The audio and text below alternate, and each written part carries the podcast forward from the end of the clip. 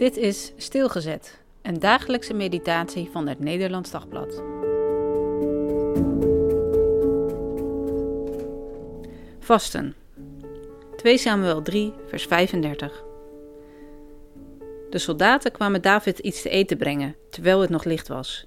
Maar David zwoer: God mag met mij doen wat hij wil als ik voor zonsondergang brood eet, of wat dan ook. Wat is de koning verdrietig? Ook als de begrafenis van Abner achter de rug is, als David weer terug is in de burcht, als 101 regeringszaken zijn aandacht vragen, dan nog wil hij niet terug naar het gewone leven. Iedereen om hem heen, hovelingen, soldaten, ze doen hun best hem op te beuren. Ze brengen hem te eten, want zo diep emotioneel klagen put een mens helemaal uit. Maar David zweert dat hij niet zal eten. De moord op Abner blijft hem bezighouden.